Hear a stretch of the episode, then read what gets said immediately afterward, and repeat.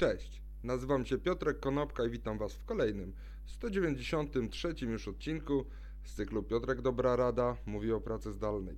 Dzisiaj niestety nie da się inaczej poprowadzić tego odcinka jak z moim e, współtowarzyszem Geraltem, ale dzisiaj opowiem kilka słów na temat tego, jak może wyglądać praca zdalna w wydaniu gry komputerowej. Na pewno większość z Was kojarzy Simsy. To jest taka gra, gdzie budujecie domek, możecie e, w tym domku umieścić rodzinę. Obok domku na przykład możecie zbudować basen, wsadzić tam Simsa, a potem możecie wyciągnąć e, z tego baseniku drabinkę, tak żeby ten Sims nie mógł z niej wyjść.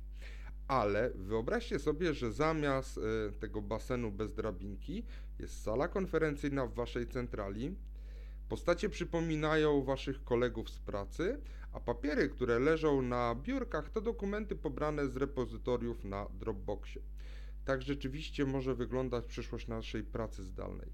Są aplikacje bazujące zarówno na rzeczywistości wirtualnej, jak i rzeczywistości rozszerzonej, które umieszczają właśnie nas, naszych pracowników, naszych kolegów w takich salach konferencyjnych, gdzie możemy razem ze sobą współpracować. Aplikacja o nazwie Teamflow zebrała prawie 4 miliony dolarów na ro swój rozwój. Jest używana przez Apple, przez e, Reddita i przez Ubera. E, Spatial Chat e, jest używany przez e, LinkedIna, Salesforce'a i McKinsey'a czy Uniwersytet Harvarda obsługuje 2,5 tysiąca e, klientów.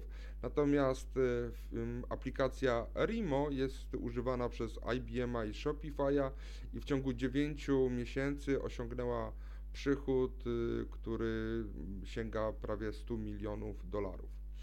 Te aplikacje przede wszystkim pozwalają, czy są narzędziami do współpracy, pozwalają na tworzenie spontanicznych czatów, ponieważ tak naprawdę chyba w tych miejscach, w tych spontanicznych czatach, w tych interakcjach mieści się produktywność.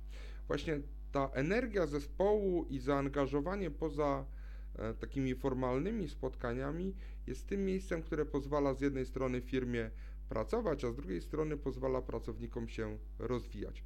Te narzędzia są e, troszkę inną wersją Zooma, są trochę inną wersją Slacka, ponieważ zarówno Zoom, jak i Slack nie pozwalają na połączenie tego, o czym mówimy, nie pozwalają na połączenie ludzi, projektów i fizycznych przedmiotów z fizyczną przestrzenią. Natomiast Remote Spatial e, Chat e, czy też e, Teamflow właśnie na to pozwalają. Ciekawe, jak będzie w rzeczywistości wyglądała ta praca wirtualna na, w przyszłości. Także Kocie, Geralcie, pożegnaj się z widzami. Dzięki serdeczne, do zobaczenia i usłyszenia jutro. Na razie.